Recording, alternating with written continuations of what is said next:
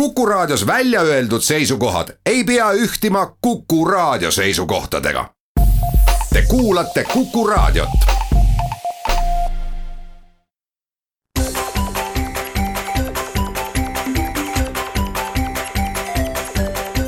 maksumaksja koostöös Eesti Maksumaksjate Liiduga. eetris on saade Maksumaksja, mikrofoni ees on Lasse Lehis. täna räägin maksukorralduse seadusest. seadus, mida suurem osa inimesi ilmselt oma igapäevases lektüüris ei kasuta.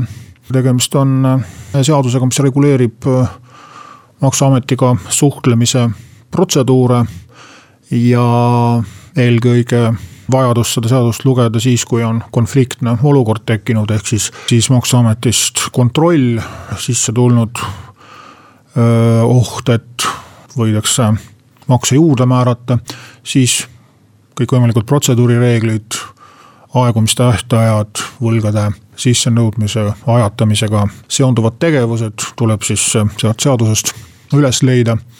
ehk siis sellises normaalses igapäevases olukorras vajadust seda seadust lugeda ja rakendada ei olegi. mis sellega seoses siis praegu uut ja huvitavat on, on kaks teemat, millest tahaks täna rääkida, mm, üks puudutab maksuotsuste avalikustamise ettepanekut ja teine kavandatavaid muudatusi maksukorralduse seaduses. maksuotsuste muutmise ettepanek on siin mõned, mõned nädalad tagasi avalikkuse ette tulnud ja nüüd erialainimeste poolt on see äh, mõte maha laidetud. ja võib-olla olekski paslik selgitada siis, mis siin siis nii erilist on, et äh, on meil siin siis midagi hirmsasti varjata või, või häbeneda. asi on selles, et äh, tundub, et need, kes seda ettepanekut tegid või seda toetavad, ähm, ilmselt päris hästi ei ole kursis mida need maksuotsused endast kujutavad ja kuna tõepoolest ju praegu on need dokumendid salajased, ehk siis peale asjaosaliste enda keegi neid näinud ei ole, ega siis äh, võõrad inimesed ei olegi neid näinud ja lugenud ja võib-olla kujutavad natukene teistmoodi ette. ja on siin toonud võrdlusi teiste valdkondadega, kus näiteks äh, tarbijakaitseamet äh, avalikustab äh, kauplejatele tehtud ettekirjutusi, kus on tuvastatud mingi tarbijakaitse eeskirjade rikkumine ja, ja kõigile hoiatuseks siis sellest teavitatakse ja tehakse ettepanek rikkumise kõrvaldamiseks, siis maksuotsus ei ole päris sellega võrreldav noh, mina oma tööst tulenevalt olen neid saanud lugeda küll ja küll ja on neid kaheleheküljelisi olnud ja on neid kahesaja leheküljelisi olnud koos lisadega, mida mõnikord kaustatäis ja mõnikord kärutäis. ja juba see maht ütleb seda, et kui me midagi avalikustame, millel on äh, lugematu arv äh, lisasid, siis äh, kui me neid lisasid sinna juurde ei pane, siis dokumenti ennast lugedes ei pruugi aru saada, millest seal täpselt, täpselt jutt käib. kui me aga kõik need lisad ka avalikustame, siis oleme me sisuliselt kogu kontrollitava ettevõtte raamatupidamise ja mitte ainult raamatupidamise, vaid ka kogu tema siseelu kogu ilmarahvale avalikuks teinud, sellepärast et maksuotsus põhiliselt kirjeldabki seda, mida maksuametnik otsis, mida ta leidis, mida ta pidas vajalikuks kontrollida, mismoodi ta seda tegi, mis järeldused ta sellest teeb, nii et valdavalt käib jutt siis sellest, et ametnikule esitati dokument üks, dokument kaks, dokument kolm. Sellega seoses ametnik esitas küsimused isikutele A, B ja C. A ütles seda, B ütles toda C-d ei saanud üldse kätte, siis tegime päringud välismaale, siis võtsime koopiad sellest, teisest ja kolmandast. tekkisid vastuolud, küsisime juurde nii ja naa, ühesõnaga sõltuvalt sellest, mida täpselt kontrollitakse, kui põhjalikult võib põhimõtteliselt kogu äritegevuse protsess olla äh, seal ära kirjeldatud. pluss see, et äh, ära mainitakse selles dokumendis äh, kõiki isikuid, kes ei ole tegelikult üldse kontrollitava isikuga seotud on töötajad, lepingupartnerid, muud kolmandad isikud, kelle, kellele on tehtud päringuid välismaale.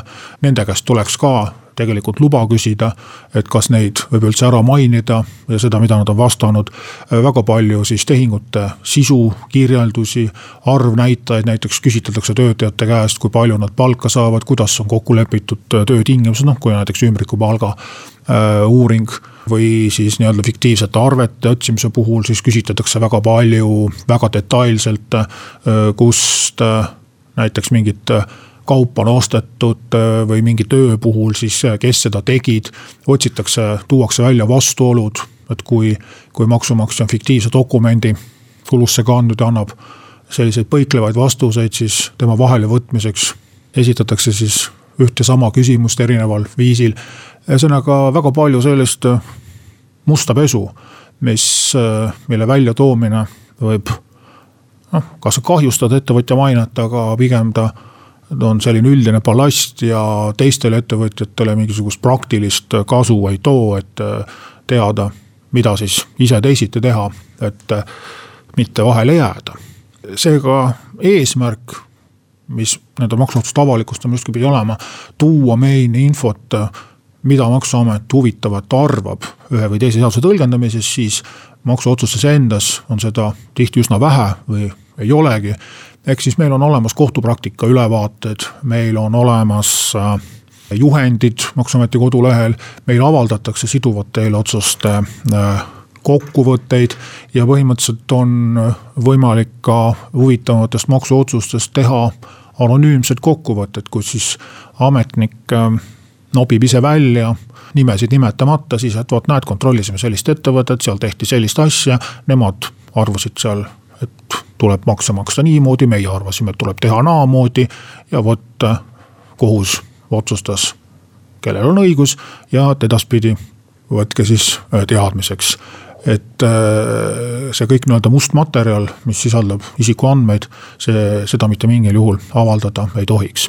no siis on räägitud ärisaladusest, et äh, ärisaladused tuleb eemaldada.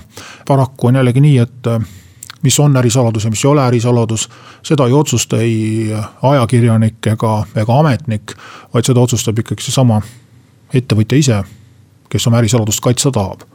ja kuidagi väga pinnapealselt on selle ärisaladuse teemale lähenetud, et justkui need on ainult mingid koogiretseptid või, või mingisugused väga haruldased äh, metallisulamite valemid. tegelikult tänapäeva äris äh, pigem tegemist intellektuaalse varaga ja väga tihti ka ärisuhete võrgustik on see, on see ärisaladus. et äh, kust mingit infot hangitakse, kellega tehingut tehakse, kust riigist, milliselt ettevõttelt äh, ühte või teist asja ostetakse, kellele müüakse äh, mis võib-olla mm, selle revidendi jaoks on mingi täiesti suvaline informatsioon, pannakse lihtsalt niimoodi info nagu taustinfoks märgitakse ära, et noh, see tegeleb siin see ettevõte tegeleb siin selle ja sellega, ostab mingeid imelikke asju kuskilt X kohast ja müüb Y kohta.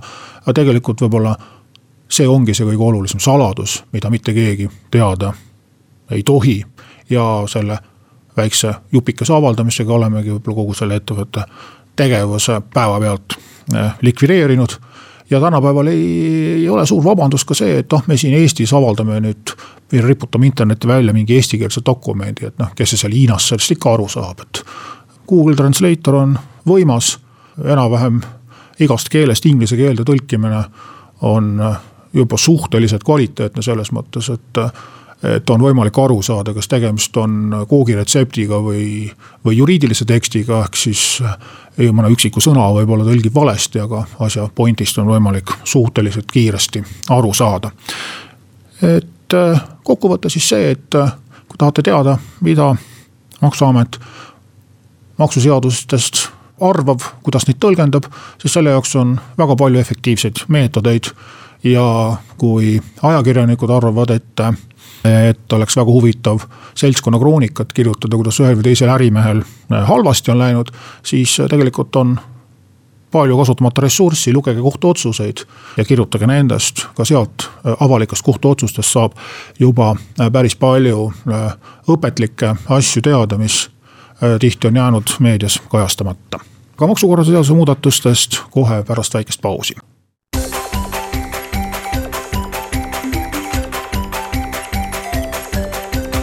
maksumaksja koostöös Eesti Maksumaksjate Liiduga. Saade Maksumaksja jätkab ja täna räägin siis sellest, et maksukorralduse seadus, mis reguleerib maksumaksja ja maksuameti vahelisi suhteid, on läbimas uuenduskuuri.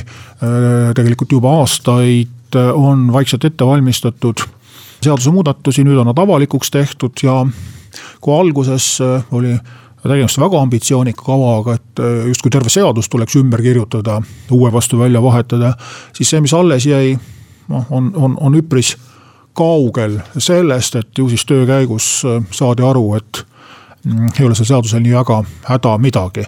tihti on Eestis ja ilmselt mujalgi nii, et, et tulevad uued ülemused kuskilt potsatavad ja avastavad või arvavad millegipärast, et maailmas hakkab aja arvamine sellest hetkest nagu nullist peale. ja kõik varasem ei kõlba mitte kuhugi, tuleb uuega asendada.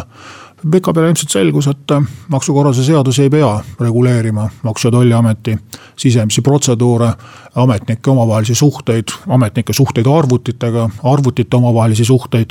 millest siis suurem osa mm, sellest algsest eelnõust tegelikult äh, rääkis. Äh, tihti kipub viimasel ajal nii olema, et äh, asju, mis on põhimõttelised, mis vajaksid seaduses reguleerimist lahendavad ametnikud oma käskude ja keeldudega. ja see, kuidas asutuste siseseid konflikte lahendada, kirjutatakse tihti seadusesse, kui tegelikult piisaks sellest, et ülemus lööb rusikaga vastu lauda ja ütleb, kuidas asjad käivad. et sarnaseid emotsioone tekitas ka minus selle praeguse maksukorralduse seaduse eelnõu teksti lugemine. et oli tõsist probleemi selleks, et välja selekteerida sealt asju, mis üldse võiksid inimestele huvi pakkuda. et noh, digitemplitest ei ole vist pikalt põhjust rääkida, et, et kui tahate saada maksuvõlgade puudumise tõendit, et kunagi ammu anti see tõend paberil välja oli iga ametnik, kellele oli see tähtis volitus andnud, kes kirjutas sinna alla, lõi sinna peale templi. andis selle paberi teile, võib-olla saatis postiga. nüüd genereerib selle tõendi arvuti ja ennäe imet, kirjutatakse seaduses, et pannakse digitempel sellele tõendile ei peagi ametnik käsitsi oma ID-kaardikesega seda tegema, kusjuures praktikas see toimib. et teine trend ongi see, et ma loen sealt seadusest asju, mida ma maksuameti kodulehelt Veemaksuametist olen juba ammu näinud ehk siis südamerahus tegelikult tehakse need uuendused ära, pannakse nad tööle, teavitatakse pressiteatega ja aastakese pärast ilmub see ka seadusesse ja keegi ei küsi, et miks te seda varem ei teinud, seaduses ei ole ju lubatud. Ja siis tekib küsimus, et kas siis sellist seadust üldse vaja on, mis kehtib juba maksuameti pressiteadete kaudu ammu enne seda, kui ta üldse seaduseks äh, saab. aga mis on siis need olulised asjad, mis äh, võiksid inimestele huvi pakkuda, maksuvõlg, maksuvõlg avalikustatakse ja, ja selle olemasolu võib kaasa tuua päris palju ebameeldivusi, no näiteks ei saa riigihankel osaleda. Võivad, kuna see info on avalik, siis ka võivad paljud teised võlausaldajad hakata kruve kinni keerama, kui maksuvõlg on tasumata. Ja praegu on siis see piir kümme eurot. Ehk siis alla kümne eurost maksuvõlga ei avaldata, mõte on siis selles, et tekivad sellised pisikesed viivitused või eksimused, kas on deklaratsiooni parandatud või on intressi seal paaripäevase viivituse eest tekkinud, et siis ei peaks suures hirmus neid pisikesi summasid maksma minema, see võtab aega, see võtab energiat ja iga pangaülekanne ka maksab. kunagi oli sada krooni näiteks krooni ajal see piir, nüüd see on kümme eurot ja tõstetakse sajale eurole ma oletan, et see põhjus on eelkõige seotud riigihangetega, kus äh, on see tõend väga oluline ja, ja kus äh, noh, näiteks deklaratsioonide parandamised või, või graafikus maksuvõlgadelt pidevalt lisanduvad intressid tekitavad mõnikord ettevõtjatele päris suurt peavalu, et mõni peab lausa iga päev seda maksuvõlga kogu aeg väiksemaks maksma, et selle kümne euro piiridesse ära mahtuda, nii et äh, siin on puht praktiline lahendus, aga annab ettevõtjatele, tavaliselt maksumaksjatele nagu rohkem kindlust, et. et selliste pisikeste eksimuste pärast ei, ei hakata nagu pead maha raiuma. Äh, siis üks teema, mida on mm, ajakirjanduses räägitud, mis on ka selline natukene keerulisem ja vaieldavam, on siis see niinimetatud tegeliku juhi vastutus. jutt käib sellest, et kui kui osaühingus on juhatuse liikmeks pandud inimene, kes tegelikult seda äri ei juhi vaid on palgatud lihtsalt allkirjade panemiseks, et siis tema asemel maksuvõlg, mis on süüliselt tekitatud, sisse nõuda sellelt nii-öelda nukujuhilt, kes seda käpiknukku tegelikult juhib ja talle korraldusi annab, noh iseküsimus, kuidas seda täpselt tõendada ja et siin nüüd liiale ei minda, et. et nüüd päris iga töötajat näiteks, kellele on antud volitused mingite tehingute tegemiseks, päris siia ei, ei kvalifitseeruks. aga probleem iseenesest on arusaadav ja otseselt see muudatus ilmselt on aktsepteeritav, aga küsimus on jällegi detailides. üks suurem vähemalt teksti osas mahukam muudatus, aga, aga sisuliselt jällegi viib seaduse kooskõla tegeliku praktikaga, on see, et. Mm, et kui praegu seaduses on kaks kontrolli vormi, üksikjuhtumi kontroll ja revisjon, siis äh, praktikas äh, on see revisjoni vorm äh, surnud nii-öelda loomulikku surma. nimelt revisjoni protseduurid on pärit siis sellest ajast, kus dokumente peeti paberil ja mahukama kontrolli puhul siis maksuameti revident tuli koha peale ettevõttesse et seal siis kogu dokumentatsiooniga tutvuda, mis kontrollitavat perioodi puudutab, nii nagu, nii nagu juba oli näidendis. kuskilt kaugelt tuleb revident ja, ja teda oodatakse suure hirmu ja värinaga. et nüüd jah, tavaliselt kipuvad need ähm, revisjonid läbi vii-, olema läbi viidud juba mm, arvuti teel.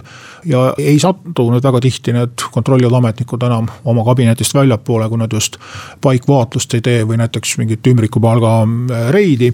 Ja vastavalt siis need kaks kontrolli protseduuri pannakse ka üheks äh, kokku ja, ja, ja sellega seoses siis ka õiguste ja kohustuste paragrahvid on äh, ümber kirjutatud.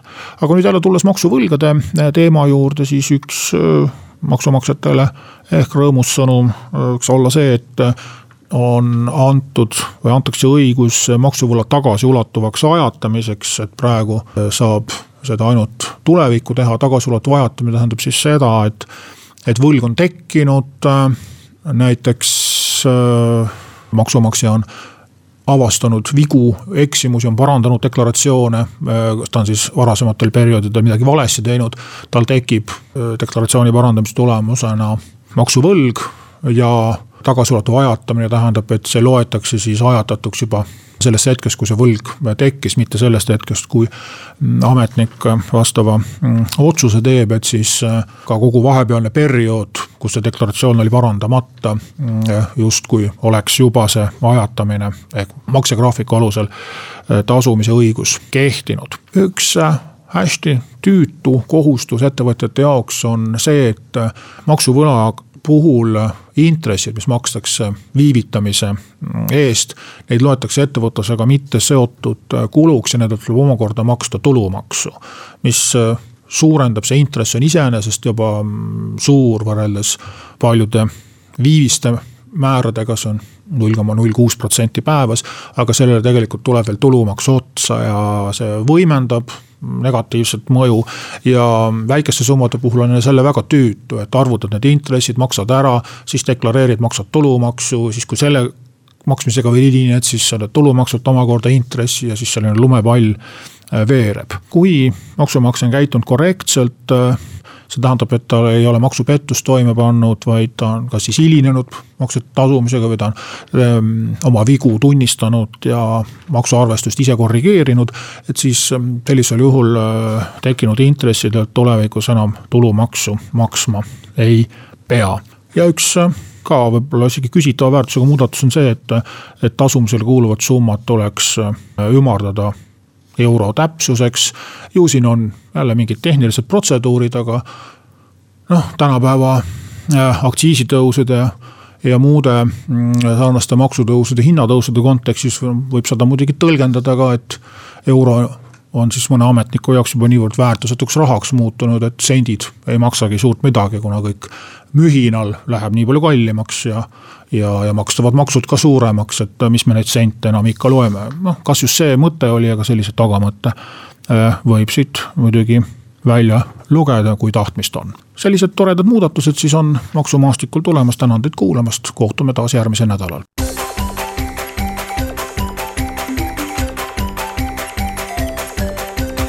maksumaksja. Koostöös Eesti Maksumaksjate Liiduga.